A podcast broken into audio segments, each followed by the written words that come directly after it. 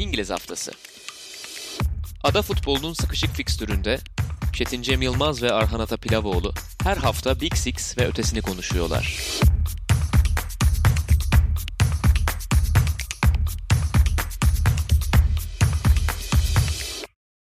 Herkese merhaba, Sokrates Podcast'a hoş geldiniz. İngiliz haftasında Premier Lig'in ikinci haftasını konuşacağız.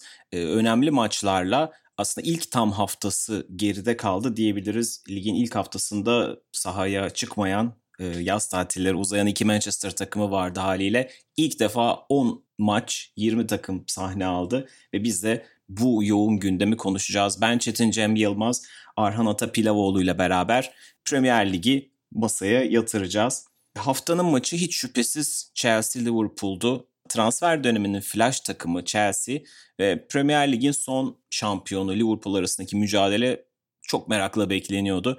Biraz sezonun geri kalanına dair, şampiyonluk yarışına dair işaretler görür müyüz diye baktığımız bir maçtı. İlk yarının hemen sonlarında Christensen'in kırmızı kartı biraz işin rengini zaten Liverpool'a dönük olan İbre'yi tamamen kırmızılar lehine çevirdi ve Liverpool Sadio Mane'nin iki golüyle galibiyetle ayrıldı. Arhan maça dair senin dikkatini çeken şeyler nelerdi? Sence bu maç bize neler söyledi Premier Lig'in hikayesine dair?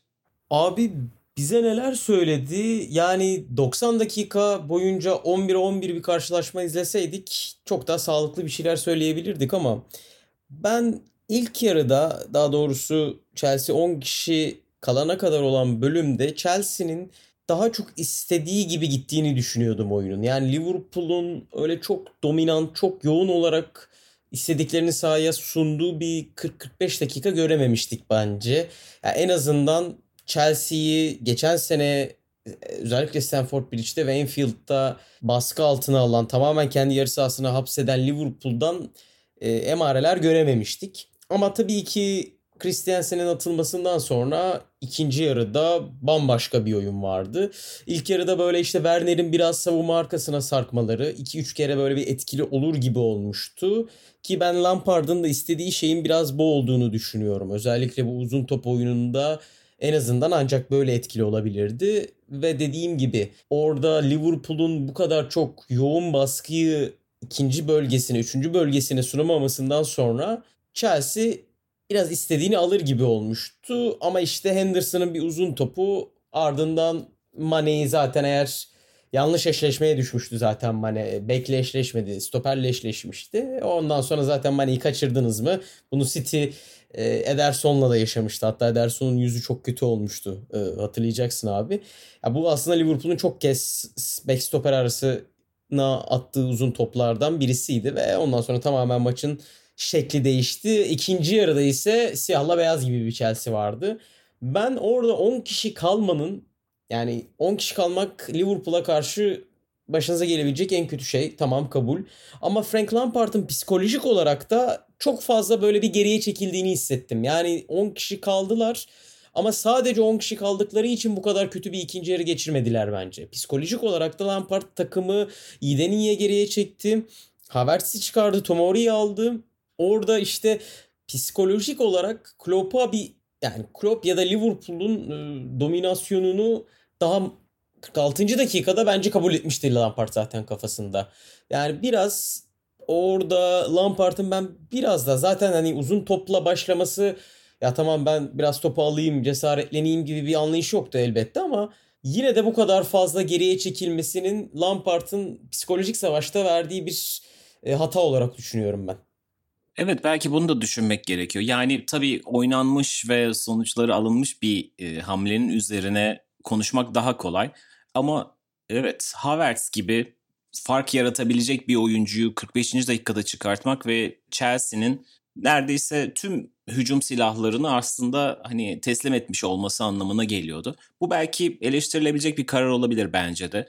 Çünkü eğer 45. dakikada evet, evet tabii ki Liverpool'a karşı 10 kişi oynamak çok çok zor ama bir noktada hani orta sahada başladığı üçlüyle devam etmek yerine belki orada Kovacic ya da Jorginho'dan bir tanesinden feragat etmesi ve en azından bir hücum silahı olarak topla takımı bir şekilde hücuma taşıyabilecek en azından o Haver, e, Werner'e istediği kontratak toplarını çıkartabilecek bir Havertz'in sahada kalması belki avantaj olabilirdi. Ama genel olarak ben açıkçası ilk yarıda verilen e, sınavı da çok başarılı bulmadım Chelsea adına. Yani Chelsea seyircisiz de oynansa evinde oynanan bir maçtı ve bu maçtan bir puan çıkartması gerekiyordu.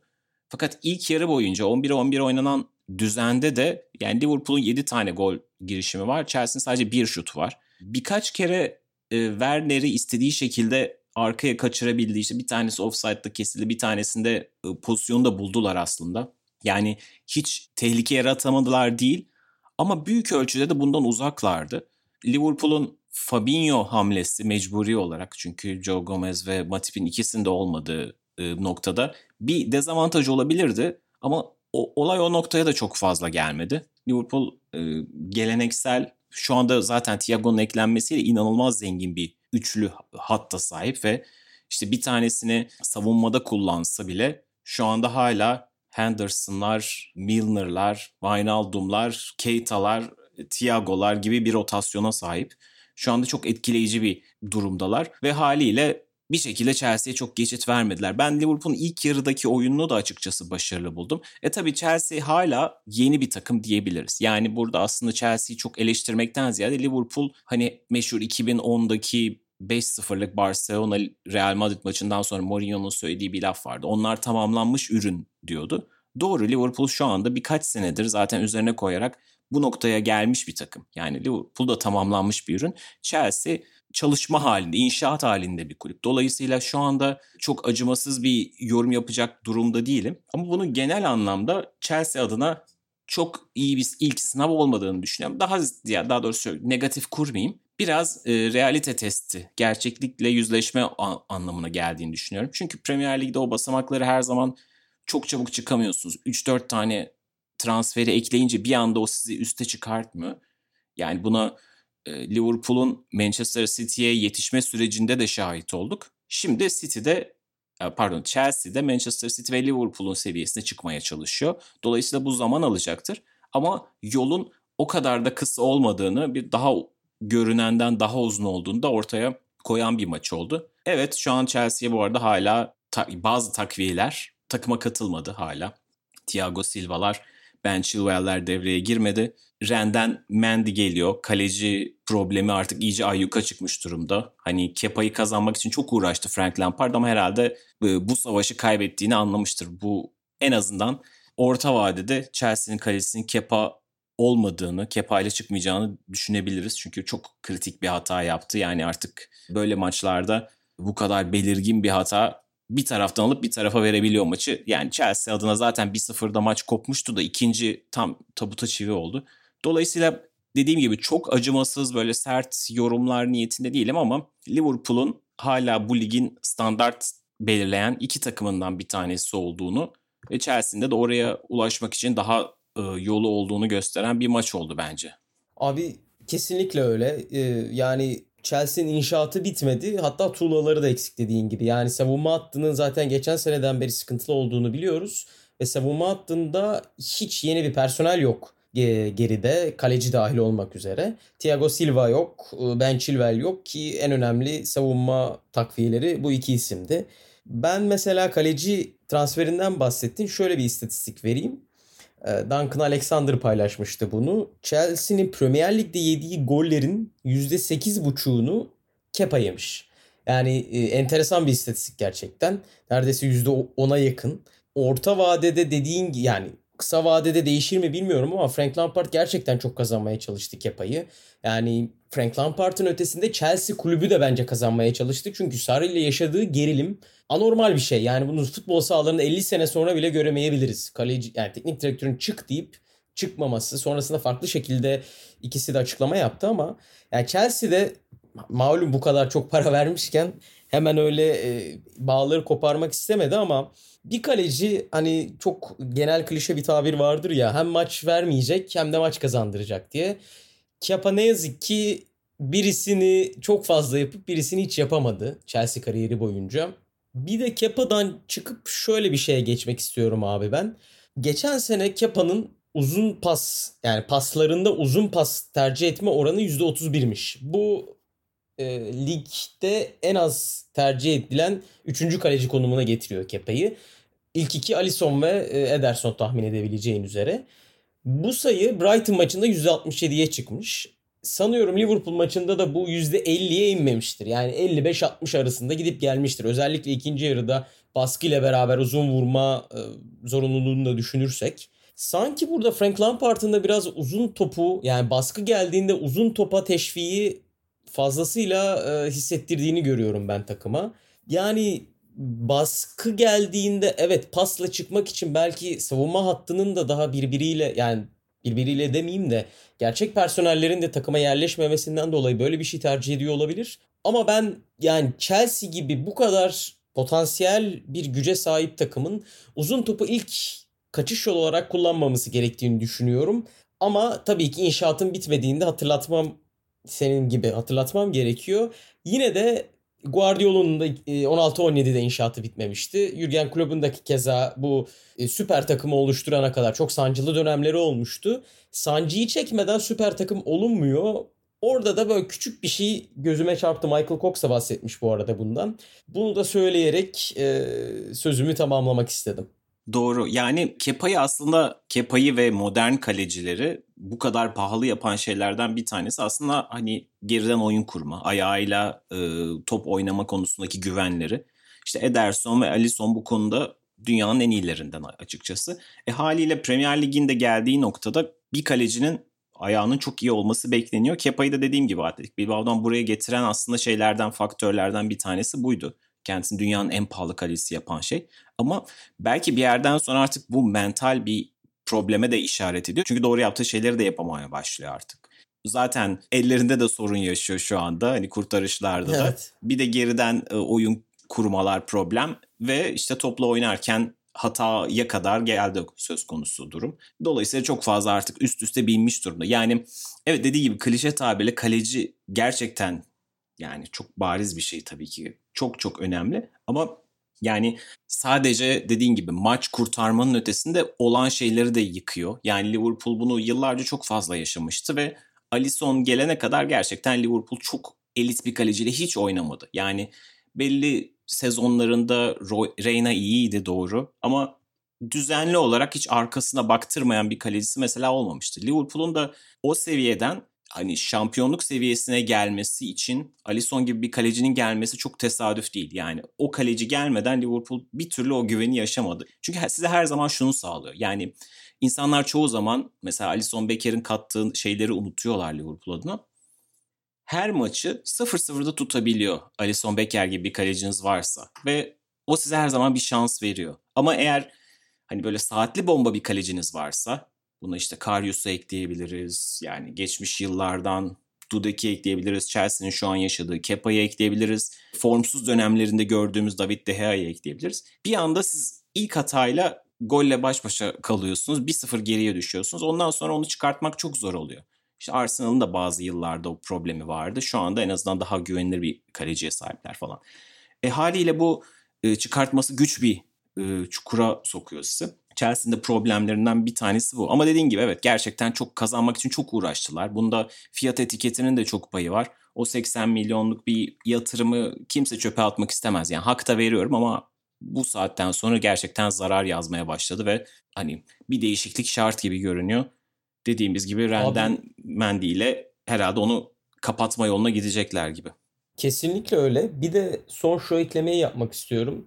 Loris'in güzel bir sözü vardı. E, futbolda güven çok hızlı kaybedilir ve çok yavaş kazanılır. Çok zor kazanılır diye. Gerçekten güven Kepa yani Kepa'nın kendisine olan güveni çok azalmış durumda. Chelsea'nin, Chelsea taraftarının belki de Chelsea teknik ekibinin hatta ikinci golde e, Mane'nin e, attığı ikinci golde Jorginho'nun yüz ifadesi vardı. Takım arkadaşlarının dahi Kepa'ya olan güveni çok azalmış durumda ki bir yerden sonra ne yapsanız da o güvenin tekrardan e, toparlanması çok çok uzun zaman alabiliyor. Bu güveni tekrar toparlamak için Chelsea sabredecek mi? İşte bu herhalde orta vadede Chelsea'nin kalede kimi görmek istediğiyle doğru orantılı bir cevap ya da soru olacak. Evet bazen işte bazı takımlar kalecilerini taşıyabiliyor belli bir seviyeye kadar. Ama Chelsea'nin savunması da şu anda bir kaleciyi taşıyacak durumda değil. Yani sadece tabii ki Liverpool maçından dolayı söylemiyoruz. Liverpool'la yenilmek dünyanın sonu değil. Beklenen de bir şey olabilir de yani Chelsea bir de 10 kişiyle oynadı doğru. Ama hani bir puan alabileceğini düşündüğü bir maçtan Kepa sayesinde hani hiçbir şey alamadı. Gerçi bu sadece böyle anlatıyı böyle basitleştirmiş oldum. Zira ben Chelsea'nin en azından ilk golü yedikten sonra bir şekilde maça geri dönebileceği işaretini hiç görmedim. Ama baktığınız zaman Chelsea bir de bir penaltı kaçırdı. Yani dolayısıyla oyun 1-0'da kalsa bile her zaman bir geri dönüş ışığı vardı. Elinizde bu kadar da yetenekli oyuncu varken en başta Werner gibi. Bu kapıyı tamamen kapatmış oldu kaleci. Tabii ki problemlerden bir tanesi. Bu maçı yeterince konuştuk aslında ama Liverpool'un hikayesinde belki de şunu da konuşmak gerekiyor. Şu anda resme iki tane yeni transfer eklendi.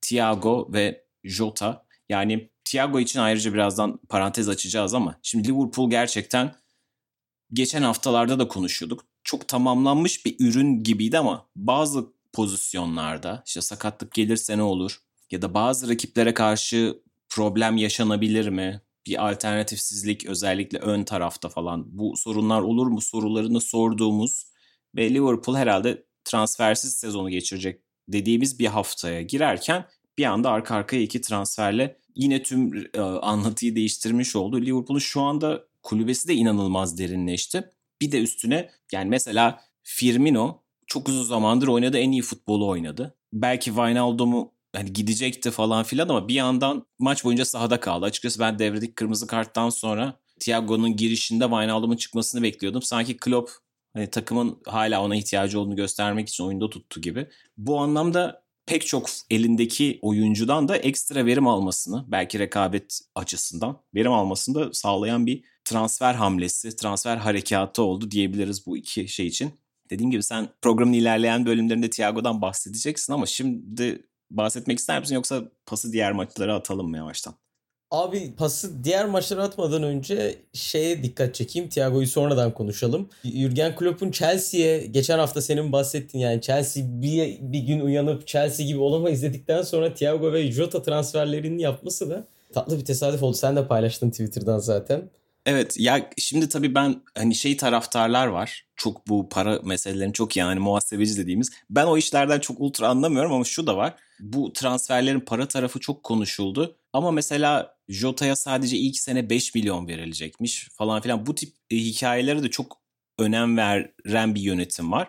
Dolayısıyla hani Werner transferini yapmadığı için çok eleştirilen, Thiago için Eylül'ün sonunu beklediği için çok eleştirilen yönetim e, bu işleri çok uğraşsa da ligin ikinci haftasına yetiştirmiş oldu. Bu enteresandı. Ama dediğim gibi ben Klopp'un yani bir anlamda mesaj maçı da olduğunu da düşünüyorum. Yani tabii ki Chelsea transferlerini bu maça yetiştiremedi belli sebeplerden. Bazıları hazır değildi, bazıları sakattı falan filan. Ama neticede taraftarına ilk haftadan verdiği bir mesaj var dediğin gibi. işte Chelsea evet çok iyi transferler yaptı ama dünyanın en iyi 11 oyuncusunu alıp bir anda dünyanın en iyi futbolunu oynayacağız diye bir e, şey yok demişti. Ve gerçekten de önemli olan sizin transfer, pardon e, training, trainingle transferi karıştırdım. Önemli olan sizin antrenman sahasında çalışmanız bütün hafta boyunca, yıllar boyunca o taktikleri beraber çalışmayı doğru şekilde uygulamanızdır demişti. Bu maçta biraz onun göstergesi oldu. Yani Premier Lig'de kolay kolay basamakları atlamak mümkün değil. O seviyeye çıkmak yıllar alıyor. Bunu da işte birkaç kez söylemiş olduk. Diğer ligin diğer e, şampiyonluk adayı ve standart takımı Manchester City'ye geçebiliriz. Onlar da çok zor bir deplasmanla açtılar ligi. Yani Liverpool'un ve mesela Leicester'ın iki galibiyetle başladığı, Arsenal'ın aynı şekilde, Everton'ın pek çok takımın iyi başladığı bir haftada en son oynamak belki bir dezavantajlı. Üstelik Wolves deplasmanı gibi zor bir yere gittiler. Ama pek de problem yaşamadan belli dönemler haricinde büyük ölçüde dominant bir oyunla 3-1 kazanmayı başardılar.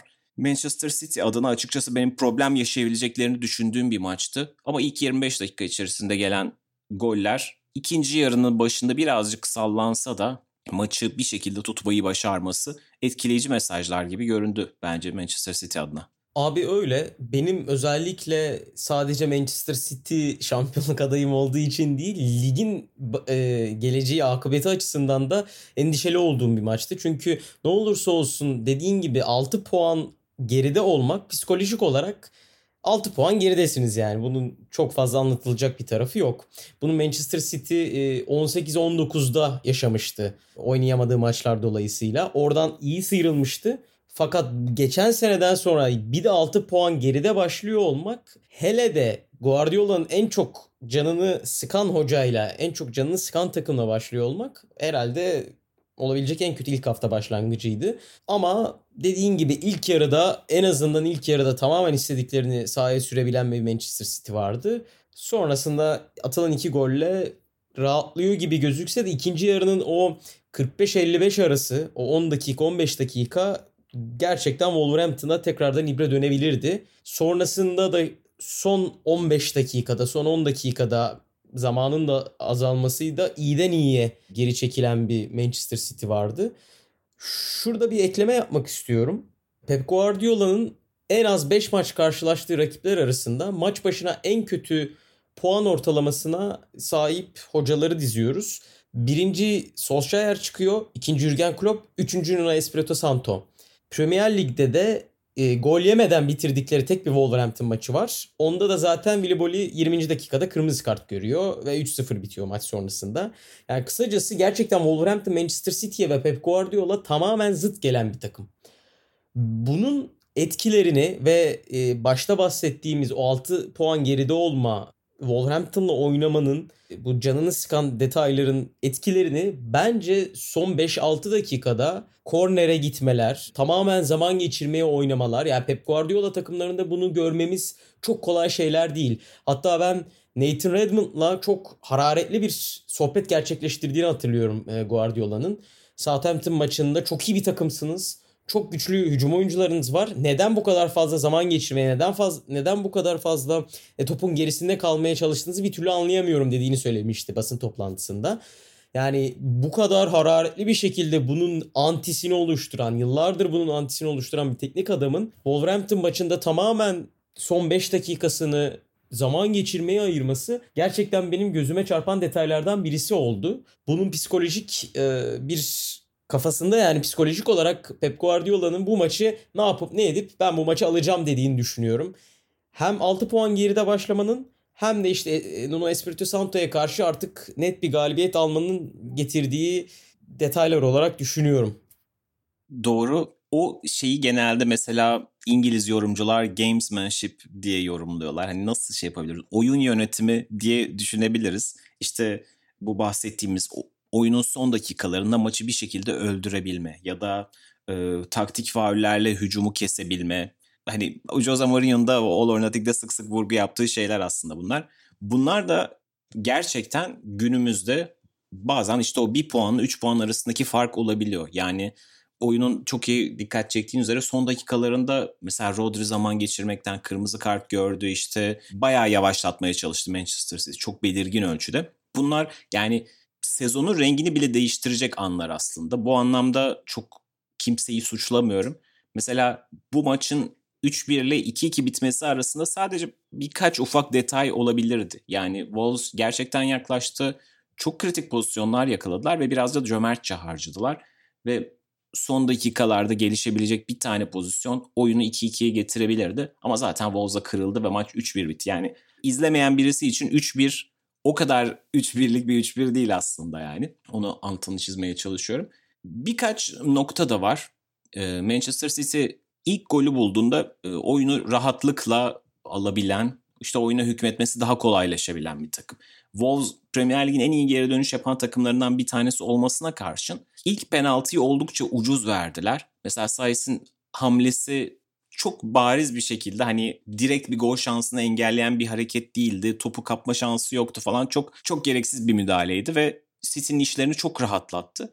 Ama City'nin yani ilk yarım saatte oynadığı oyun hatta belki de golden sonra ve Foden'ın golüne kadar gelen 15 dakikalık oyunu geçen sezon çok sık yakalayamadığı güzel periyodlardan bir tanesiydi. City'nin oyunundaki o işte 10-15 paslık sekansları artık eskisi kadar çok göremiyoruz. Sonuçta rakipler onlara daha fazla önlem alıyor. Belki takım tırnak içinde biraz daha fazla yorgun. O topu kaptırdıktan sonra geri kazanma süreleri biraz daha uzuyor falan filan. Ama City işte 2018 yılının o göz kamaştıran City'si değil. Bu da normal yani. Liverpool da 2 sene öncenin Liverpool'u değil. İşte Barcelona'da 5 sene öncenin Barcelona'sı. Bu takımların her sene aynı yoğunluğu, aynı keskinliği göstermesini beklemek mümkün değil.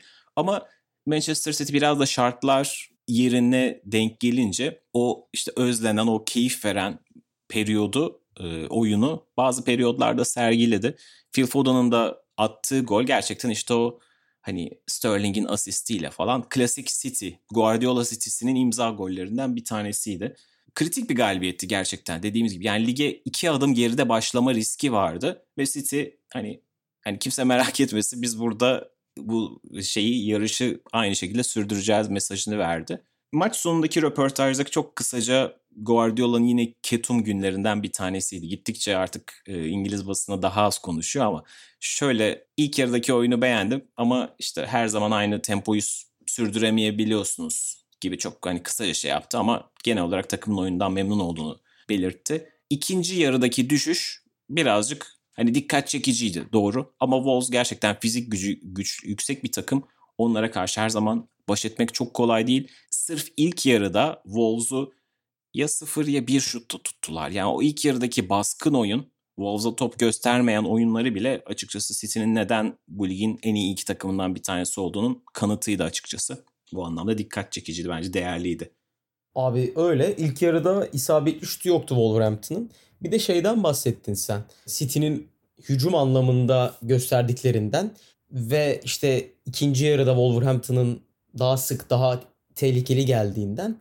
Bence zaten hücum gücü hiçbir zaman yani Pep Guardiola'nın 17-18'inden itibaren hiçbir zaman sıkıntısı olmadı Manchester City adına. Geçen sene de kesinlikle yani oyun gücü belki evet ondan iki sene önce geçen seneye nazaran çok kuvvetli değildi ama hücum hacmi inanılmaz bir takımdı.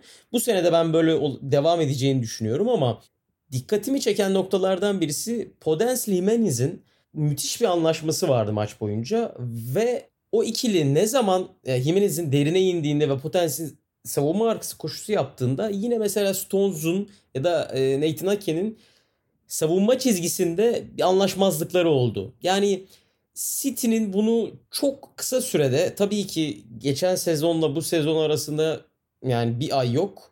Ama bunu bir şekilde çözmesi gerekiyor. Çözemediği takdirde önünde şampiyonluğun önündeki en büyük engel bu olacak. Bu arada Podens'e de bir ek parantez açmamız gerekebilir ilerleyen haftalarda. İnanılmaz bir performanstı bugün. Evet lige gerçekten iyi başladı. Ee, geçen hafta da Sheffield United maçında da bir asisti vardı. Gerçekten Wolves'un e, vitrine çıkardığı yenilerden, gençlerden, ligin parlak oyuncularından bir tanesi olacağı kesin. Evet. Manchester City'den Manchester United'a geçelim. Onlar da yeni yani lige yeni başladılar ve açıkçası pek de iyi başlamadılar. Kendi evlerinde 3-1'lik ağır bir mağlubiyeti aldılar Crystal Palace karşısında. Onlara geçelim. Yani tabii ki çok erken ama Temmuz-Ağustos aylarında uçarak giden Manchester United'dan sonra alt alta o Sevilla maçı ve bu maçı ekleyince bir anda United taraftarları için yeniden bir hani acaba delirten bir dönem oldu.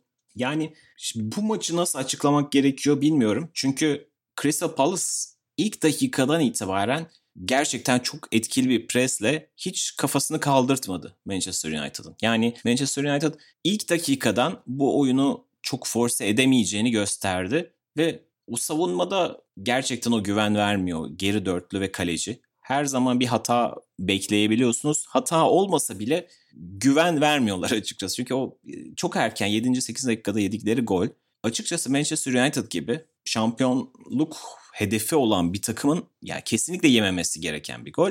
Dahası o pozisyonda şut bile çektirmemeniz lazım. Çünkü çok geniş alanlar veriyorlar rakibe. Çok böyle hareket için çok fazla zaman veriyorlar. Bu yani Manchester City'yi konuştuk az önce. Onlar bazen savunmasında problem yaşayan bir takım ama Manchester City asla size bu zamanı vermez. Liverpool daha da vermez. Yani o ceza sahasında kafanızı kaldırmanıza izin vermezler. İşte Arsenal da bu aralar bunu çok iyi yapıyor.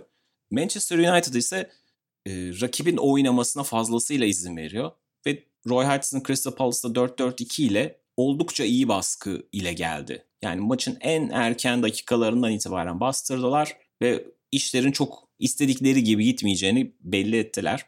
Yani biraz 4-3-3'ten bu 4-4-1-2-1-2 gibi hani daha Diamond'lı bir dizilişe geçmeleri belki çok ideal olmamıştı Manchester United adına. Çünkü Mason, Mason Greenwood'un ve e, Rashford'un oyunu açmaları, Martial'in o çok iyi bir yaz dönemi geçirdiği o santrfor pozisyonunda daha fazla alan bulması falan bu tip nüansları çok aradılar. Bruno Fernandes neredeyse hiç etki gösteremedi ve hani benzer şeyler işte Pogba için de söylenebilir. Açıkçası yani 3-1 hiç maçın herhangi bir döneminde neredeyse zaten 1-0 geride başladılar. Maçın herhangi bir döneminde maça ortak olacakları bu maçtan bir puan galibiyeti bırakın puan alabileceği hissini bile uyandırmadı. Skor 1-0 iken bile ikinci gol bir şekilde Palace'ın atacağı kendini gösteriyordu. Çok tartışmalı ve bence biraz da haksız denebilecek bir penaltı penaltı kararı değil de penaltının tekrarlanması kararı sonucu 2-0'a geldi ama bir şekilde başka bir şekilde de 2-0'a gelebilirdi. Yine e, United'ın atmasından daha e, şey olabilirdi gibi geldi bana. United adına pozitif ne vardı denirse Donny van de Beek ilk kez oyuna girdi ve ilk hani ilk maçına etkisini yaptı, golünü attı. Bu en azından bir Manchester United için ileriye dönük bir ışık olabilir. Sen e, neler düşünüyorsun Manchester United ve en azından Donny van de Beek için? Abi ben de Van de Beek'ten bahsedecektim aslında maç özelinde. Van de Beek'in rolünün ne olacağı bence Manchester United'ın sezonunda çok belirleyici noktalardan bir tanesi olacak. Yani Van de Beek'in en önemli olduğu yer, en kendini rahat hissettiği yerin ceza sahasına koşu at, atabildiği mesafelerde oynayabildiği yerler olduğu açık. Yani onu rakip kaleden ne kadar fazla uzaklaştırırsanız onun etkinliğini o kadar fazla alıyorsunuz. Evet çok inanılmaz büyük bir hani 10 numara bildiği klasik tabirle bir 10 numara değil doğru. Ama mesela Aaron Ramsey de klasik bir 10 numara değildi. Ama inanılmaz iyi ceza sahası koşuları atardı. Ve formda olduğu sakatlanmadan geçirdiği sezonlarda gol katkısı işte Mesut Özil'i geçtiği, Santi Cazorla'yı geçtiği dönemler olmuştu. Klasik bir 10 numaraya sahip olmak zaten günümüzde e, çok istenilen bir şey değil elit takımların çok fazla tercih ettiği şeylerden birisi değil daha doğrusu.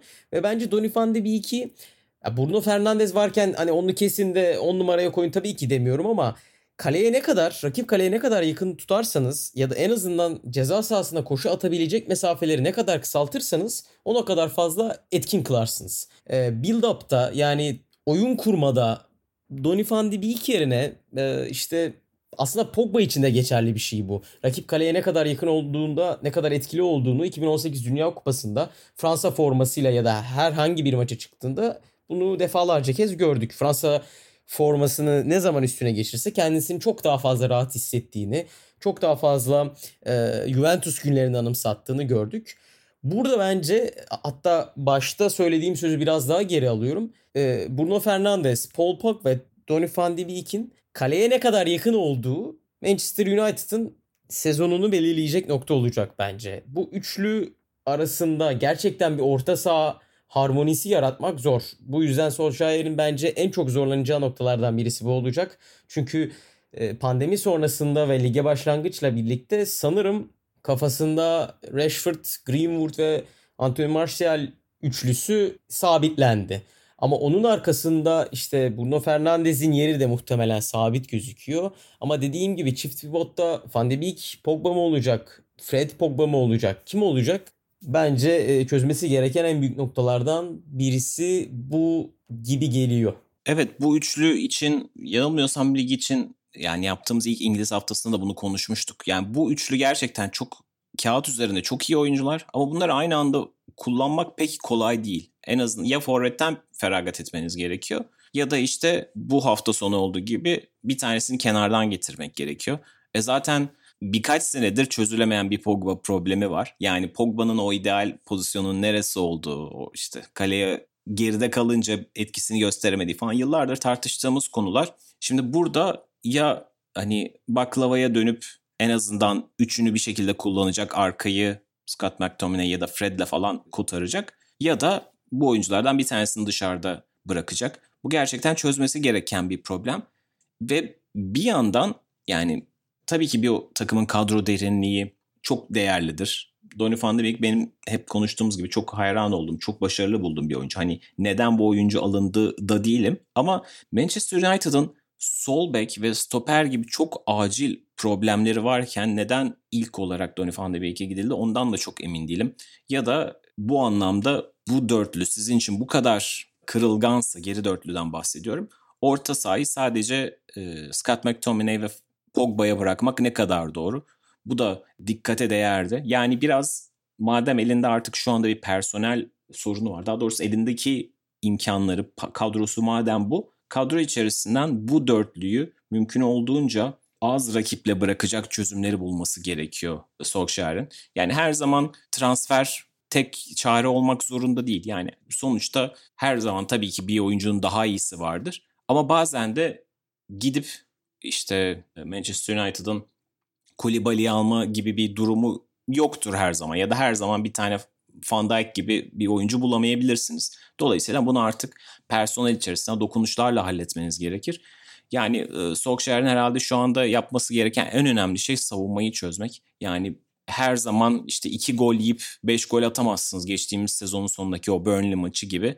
Bazen o ilk golü yedikten sonra böyle Crystal Palace gibi sert bir takımla karşı karşıyaysanız o golü çıkartmanız hiçbir şekilde mümkün olmaz. Ve sonrasında da zaten işte Zaha, Ayew gibi kontraya da iyi çıkan oyuncular varsa hani geçmiş olsun. United açısından durum buydu gibi. Doğal sayılar.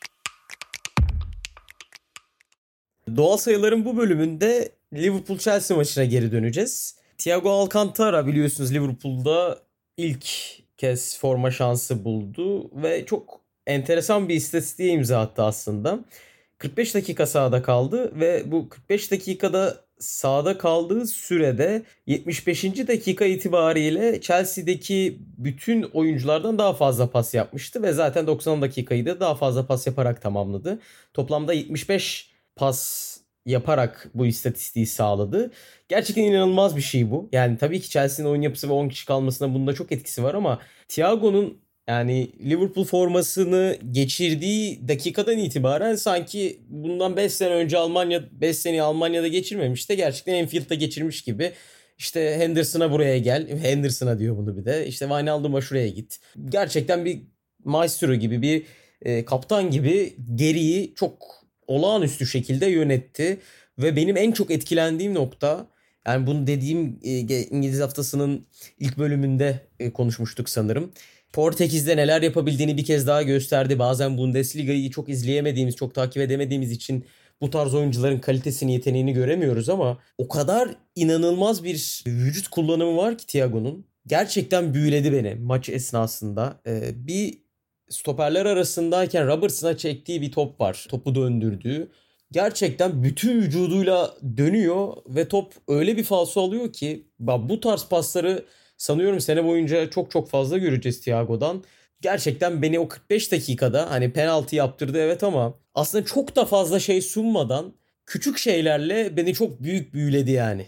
Doğru. Yani e, Liverpool pek çok açıdan e, düzenini işte pas trafiğini falan kusursuzlaştırmış bir takımdı ama bazen de e, bu hafta sonu maçı izlerken mesela Liverpool'un artık imzası olan işte sağ bekten sol beke Trent Alexander-Arnold'dan e, Andy Robertson'a atılmış bazı paslar vardı. O oyunun yönünü değiştirmeyi Liverpool iki sezondur çok iyi yapıyordu ama Chelsea bunu aslında çözmüş gibiydi. Hani o oyunun yönü değiştiği anda Chelsea bekleri mutlaka kapattı ve o kozunu biraz Liverpool'un elinden aldı. Şimdi Thiago'nun gelmesi yani Thiago bunları çok daha hızlı ve kusursuz yapabilen bir adam ve yani gerçekten hani sıkça da paylaşılan bir tane şaka var ya bir maçta yan tarafta reklam panosunda bir Noel Baba akıyor. Thiago arkası dönükken geri dönüp o topu Noel Baba'ya gönderiyor. Kırmızı formalı kim varsa Thiago onu yakalıyor diye. Yani sonra tabii bir takım arkadaşı yetişip o topu da kapıyor. Yani bunları çok değerli. Yani bunlar bunları çok ihtiyacı vardı Liverpool'un ve bu çok önemli olacak. Ceza sahasında attığı birkaç tane kritik top vardı. Onlar da e, Liverpool adına çok değerli çünkü oyun gittikçe daha da sıkışık alanlarda oynanıyor. Eğer siz şampiyonluk adayı bir takımsanız o e, o boşlukları bulmak gittikçe daha önemli hale geliyor. Thiago'nun varlığı bu anlamda gerçekten çok kritik olacak gibi. Orta sahadaki üçlüden kim kesilecek bilmiyorum. Yani o, o enteresan bir tartışma olacak. Hani Wijnaldum mu yoksa Henderson mı? Bu maç Henderson'ın gitmesi biraz böyle şeydi. Hani acaba onun yerine mi oynayacak falan filan diye. Keita bir türlü tam isteneni vermiş değil ama şimdi Keita ile beraber Thiago'nun oynaması nasıl olacak falan. Bu anlamda enteresan ama Liverpool adına gerçekten çok önemli bir upgrade olduğu kesin Thiago'nun. %100 öyle. Doğal sayılardan Tottenham Southampton maçına geçelim. Yani Tottenham'ı acaba geçen hafta biraz fazla mı hafife aldık? Onlar da çok iyi bir hafta geçirmiş oldular. Hem iki tane çok kritik transfer, Region ve tabii ki Gareth Bale yuvaya döndü. Hem de goller, asistlerle Harry Kane ve Son'un yaptığı inanılmaz katkılar. Buradan sorayım. Yani geçen hafta acaba biz biraz Tottenham'ı hafife mi almıştık? İki haftadır diyelim hatta sezon öncesi programda da 6. sıraya koymuştuk ikimiz de. Tottenham acaba beklentilerin üstünde bir sezon mu geçirecek? Abi bu beklentilerin üstünde sezon geçirme ihtimalini yaratan en önemli öge tabii ki Gareth Bale'ın yuvaya dönüşü. Ama istersen bunu biraz maç tan giderek Gerrit Bale'a dönelim. Bence maçın ilk dakikalarından itibaren Jose Mourinho'nun e, Jose Mourinho'nun planı topu biraz daha Southampton'a bırakmak. Yani Southampton'ın topla oynamasını biraz daha fazla sağlamak diyeyim. Topu size bırakan bir takıma topu bırakmak çok zor bir şey çünkü çok kolay bir şey değil. Ve bunu Southampton topa yavaş yavaş 20-30. dakikalarda sahip olmaya başlamıştı ki zaten gol de gelmişti. Fakat topu bırakan takımların bence en büyük sorunlarından birisi ya da topu bırakan takımların en önemli, en çok dikkat etmesi gereken e, noktalardan birisi bu. Eğer siz rakibinize topu bırakıyorsanız ve belli dakikalarda topa sahip olmak zorunda oluyorsanız o belirli dakikaları bu işte Tottenham maçında 20-30. dakikalar arasıydı. Bu dakikaları olabildiğince efektif, olabildiğince çok verimli geçirmeniz gerekiyor. Ve Southampton aslında pozisyon da buldu. Hücum da etti ama bir türlü işte o öldürücü vuruşu bulamadı. O öldürücü vuruşu öldürücü vuruşu da bulamadıkça daha da çok ileriye gelmeye başlıyorsunuz. Daha daha da çok savunma hattınızı öne çıkarmaya başlıyorsunuz. Savunma hattınızı da öne çıkarmaya başlayınca e, tabii ki arkada 50-40 metrelik boşluklar vermeye de başlıyorsunuz. Bu yüzden dediğim gibi o topu veren takımların en çok dikkat etmesi gereken noktalardan birisi topu aldığında, topa sahip olduğunda ya da oyuna biraz daha fazla illa topu almasına da gerek yok. Oyuna hükmetmeye başladığında en çok dikkat etmesi gereken noktalardan birisi bence o dakikalarda fişi çekebilecek hamleler yapmak. Gol bulamıyorsa da rakibinde işte kafasında e, fişi çekmeye yakınmış hissini verebilmek çok önemli. Aslında Southampton bunu veriyordu ki işte Endombele'nin bireysel becerisiyle birlikte gelen gol, Kane'in pası ve sonun bitiriciliğiyle soyunma odasına gidilebilecek en en en iyi şekilde gitti Tottenham.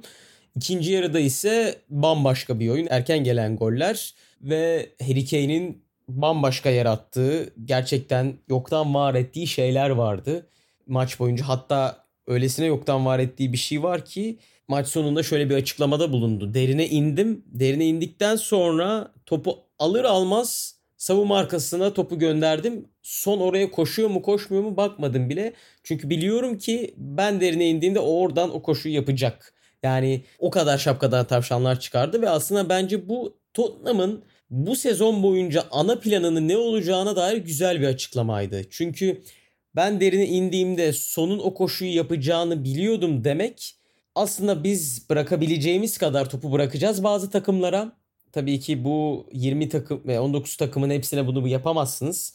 İşte gidip Burnley'e topu bırakamazsınız ya da Crystal Palace'a topu bırakamazsınız ama işte böyle topla oynamayı becerebilecek takımlara Big Six'te zaten kesin bırakacak belli oldu artık. Southampton gibi işte Wolverhampton gibi ne bileyim Brighton gibi takımlara kesinlikle bırakacaklar topu. En azından bırakmaya çalışacaklar ve topu bıraktıklarında Harry Kane'i biraz sanki olur mu bilmiyorum. Biraz öngörü. Bunu bir yazıda da okudum. Sanki biraz daha Firmino gibi biraz daha derine inerek sonuçta savunma çizgisinin de rakip takımların savunma çizgisinin de Kane'le birlikte daha da ileriye geldiğini ve arkada boşlukların daha da arttığını düşünürsek oraya sonun koşullarını daha çok göreceğiz gibi geliyor ki tam da burada zaten Gareth Bale'a bağlayacaktım. Sonun koşullarını görürsek Gareth Bale'ın geniş alanda kariyerini e, taşlandırmış bir ismin koşullarını görmeme ihtimalimiz yok. O yüzden ben Gareth Bale'ın etkili olabilecek noktalar, etkili olabileceği en verimli olabileceği noktalardan birinin bu oyun planı olduğunu düşünüyorum. Umarım onu Tottenham formasıyla verimli olarak görebiliriz. Çünkü benim endişelendiğim noktalardan birisi Jose Mourinho'nun son iki kovulma sebeplerinin başlangıcında yıldızlarla anlaşamama ya da en azından takımda soyunma odasını kaybetmesi yatıyordu. İşte Chelsea'de Eden Hazard söylendi zamanında. Onun karıştırdığı ve onunla anlaşamadığı için takımdan ayrıldığı. Manchester United'da zaten Paul Pogba krizi basında duymayan kalmadı. Ben Jose Mourinho'nun da bir süperstarla tekrardan hani o John Terry'nin açıklaması vardı onun için ölürdük. Materazzi'nin keza böyle bir açıklaması vardı. Bir süperstarla daha yıldızının barışması gerektiğini düşünüyorum. Bu yüzden Gareth Bale'ın bu işte geniş alanlarda böyle bir ana şablonda çok iyi oturabileceğini düşünüyorum ve Jose Mourinho'nun da bu fırsatı tekrardan bir yıldızla barışabilme fırsatını geri tepmeyeceğini düşünüyorum. Umarım bu fırsat geri tepilmez. Umarım Gareth Bale e, zaten Ekim'de dönecekmiş e, tam anlamıyla. Sakatlık geçirmez. Yani bu çok çok iyimser bir şey olacak uzun süreli kaybından sonra. Umarım sakatlık geçirmez ve biz umarım tam sağlıklı bir Gareth Bale'ı ve tam sağlıklı Jose Mourinho'nun planlarını Tottenham'ın sezon içerisinde görebiliriz. Evet 2013 yılında Gareth Bale gittiğinde Premier Lig'in en iyi oyuncusuydu. Yani geri dönüşünde şüphesiz çok şey yaşandı. Biraz sakatlıklar, biraz kulüple ters düşmesi derken eski Gareth Bale'ı izlemeyeli bayağı oldu diyebiliriz. Benim e, tabii ki yeteneğiyle ilgili hiçbir şüphemiz hiçbirimizin yok da 2014-15'ten bu yana hiçbir zaman tam bir sezon oynamamış bir Gareth Bale söz konusu. Acaba Premier Lig'in temposunu kaldırabilecek mi? Yani kaldırabilecek mi derken sakatlıksız bir sezonu tamamlayabilecek mi? Bunu görmek enteresan olacak ama bahsettiğin detaylar çok değerli. Yani Harry Kane biraz Firmino gibi belki Ronaldo Tevez'li yıllardaki Wayne Rooney gibi birazcık daha geri çekilen ve takım arkadaşlarını oyuna katan bir rolde Harry Kane ve yanlarında Son, Bale gerçekten heyecan verici bir üçlü oluyor. Yani kağıt üzerine yazdığınızda Gareth Bale, Harry Kane ve Son ligdeki en iyi üçlüler arasında çok rahat girer. Yani en iyi üçlüler arasında girer derken hani birincisi olabilir diyebilirsiniz. Yani o iddiayı ortaya koyabilirsiniz. Salah, Mane, Firmino şu anda ligin işte referans üçlüsüyse ya da Agüero'lu düşünürsek Agüero, Sterling, Mahrez onlar da Pep ruletinde çok fazla dönüştüğü için o üçlüyü bir anda saymak kolay değil ama e, ya da işte Lacazette, Aubameyang, Willian en iyiler arasında mutlaka bu tartışma içerisinde yer bulabilecek bir üçlü. Tottenham'ın bu hani konuşmaya tekrar dahil olması bu anlamda heyecan verici. Hadi sona yaklaşıyoruz ama transfer de konuştuk. Çok kısa Cengiz Ünder'in Premier Lig'e gelişi, çağlarla kavuşmasını bahsetmek belki gerekebilir. Yani Leicester City de iyi başladı. Onlar da şu anda ligin tepesinde duruyorlar. İki maçta kazandılar. Cengiz Ünder çok tabii çok iyi bir sezon geçirmişti. Daha sonra biraz sakatlıklar, biraz yeni teknik direktör derken Roma'nın o ilk planlarında yer almamaya başlamıştı. Bu anlamda ben biraz heyecan verici buluyorum. Çünkü hücum oynamayı seven bir teknik direktörün takımına gidiyor. Mutlaka fırsat bulacaktır diye düşünüyorum. Çünkü o Ayoze Perez'den bir türlü istikrarlı katkıyı alamamıştı Leicester City. Çok iyi bir golcüyle beraber oynayacak. Yani Roma'da Ceko ile oynuyordu. Burada Jamie Vardy ile oynayacak. Onunla yan yana oynamak şüphesiz bir şeyler katacaktır. Bir yandan dar alan oyunu da var. Açık alan oyunun da var. Yani güzel bir takıma gidiyor açıkçası. Bu anlamda ben heyecan verici buldum. Sen nasıl e, buluyorsun bu hamleyi? Abi herhalde Avrupa'da gidebileceği Roma'daki son bir buçuk iki senedeki düşüşünü de göz önünde bulundurarak söylüyorum. Gidebileceği bence en iyi takım. Geçen sene sonu öyle olmasa da sonu öyle bitmese de çok iyi bir sezon geçirdi Leicester City. Çağlar var takımda. Dediğin gibi hücumu seven bir teknik direktör. Jamie Vardy ve Premier Lig. Yani Cengiz için bundan iki sene önce Arsenal Tottenham konuşuluyordu. Chelsea konuşuluyordu. Bu seviyeye tekrar çıkabilir mi? Daha 23 yaşında. Hayli hayli çıkabilir.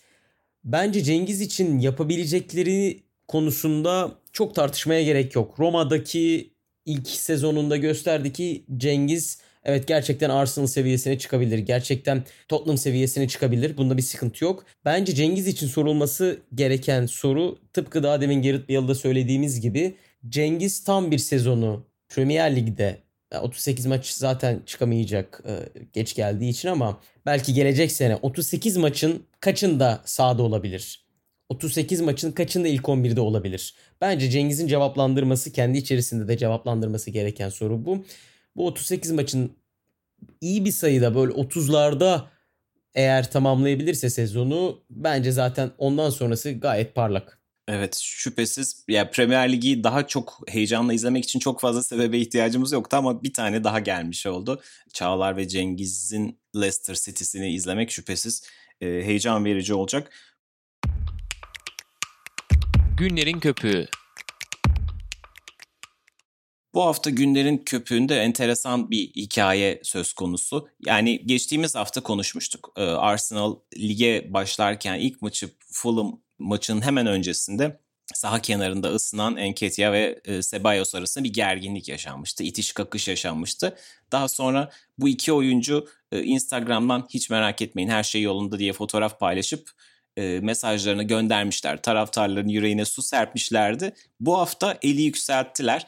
E, Ceballos asistinde Enketia gol attı ve harika bir şekilde hikayeyi taçlandırmış oldular. Bu da aklıma Premier Lig tarihinden birkaç tane enteresan takım içi kavga hikayesini getirdi. Onlardan çok çok kısa bahsedip hani birazcık tarihi yolculuğu birazcık da e, bu hikayelerin hangileri iyi bitti diye karşılaştırmak istedim. Geçen hafta yine sen All or Nothing'de Son ve Loris'in kavgasını örnek verip Jose Mourinho'nun bu harikaydı demesini söylemiştin. Bu hırs şüphesiz takımların, taraftarların takımlarında görmek istedikleri bir hırs. Ama bazen hikaye enteresan da gelişebiliyor. Ee, bu hikayenin en önemli, en şiddetli örneklerinden bir tanesi 2005 yılında Newcastle'da yaşanmıştı. Kieran Dyer ve Lee Bowyer arasında maç sırasında niye pas vermedin kavgası çıkmıştı ve maç devam ederken iki oyuncu yumruklaşmaya başlamış. İkisi de birden kırmızı kartla oyun dışında kalmıştı. Tarihin en enteresan takım içi kavgalarından bir tanesiydi bu. 1997'de West Ham'da John Hartson antrenmanda takım arkadaşı Eyal Berkovic'in suratına oldukça sert bir tekme patlatmıştı ve bu kameralara da yansımıştı üstelik. Çekimler o sırada haberciler oradayken yapılan bir hikayeydi. Dolayısıyla John Hartson da 3 maç ceza alıp bir de para cezasıyla karşılaşmıştı. İki tane de Şampiyonlar Ligi hikayesi var. İngiliz takımlarının Şampiyonlar Ligi'nde yaşadığı takım içi kavgaları. Bir tanesi Blackburn Rovers zaten Şampiyonlar Ligi'ndeki e, tek sezonları 1995 yılında David Betty ve Graham Lasso maç sırasında bir anda topu niye verdin, niye vermedin gibi ortada kalan bir top için birbirlerine giriyorlar ve maç sırasında Tim Sherwood tarafından güçlükle ayırıyorlar. Bunun da videosunu YouTube'da bulmanız mümkün. Ve enteresan bir hikayede Liverpool'dan. 2007 yılında Liverpool Barcelona ile eşleşiyor. Takım kamp sırasında Craig Bellamy ve John Arne Rees arasında çok şiddetli bir kavga çıkıyor. Yani Craig Bellamy zaten oldukça belalı bir tiptir.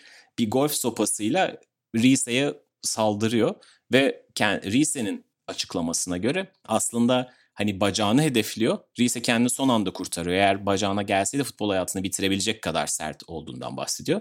Gelin görün ki iki gün sonra Rafael Benitez ikisini de barıştırıp ikisini de ilk 11'e koyuyor. Ve iki oyuncu da enteresan şekilde Barcelona'ya birer gol atıyor ve Liverpool No Camp'ta Riese ve Bellamy'nin golleriyle kazanıyor bu hikayede biraz Arsenal'ın hikayesine daha çok benziyor. Tabii ki e, Enketia ve Ceballos ki bu kadar şiddetli değildi ama bu da Premier Lig folklorunda yer tutan takım içi kavgalarından bir tanesi oldu. Dinlediğiniz için teşekkür ederiz diyelim. Arhan ağzına sağlık. Abi çok teşekkürler. Senin de aynı şekilde. Ee, İngiliz haftası bu haftalık bu kadar. Gelecek hafta yine büyük maçlarla Arsenal Liverpool'la ve pek çok sayıda kritik, keyifli maçla bizi bekliyor olacak. Tekrar gelecek hafta buralarda görüşmek üzere. Hoşçakalın. Hoşçakalın.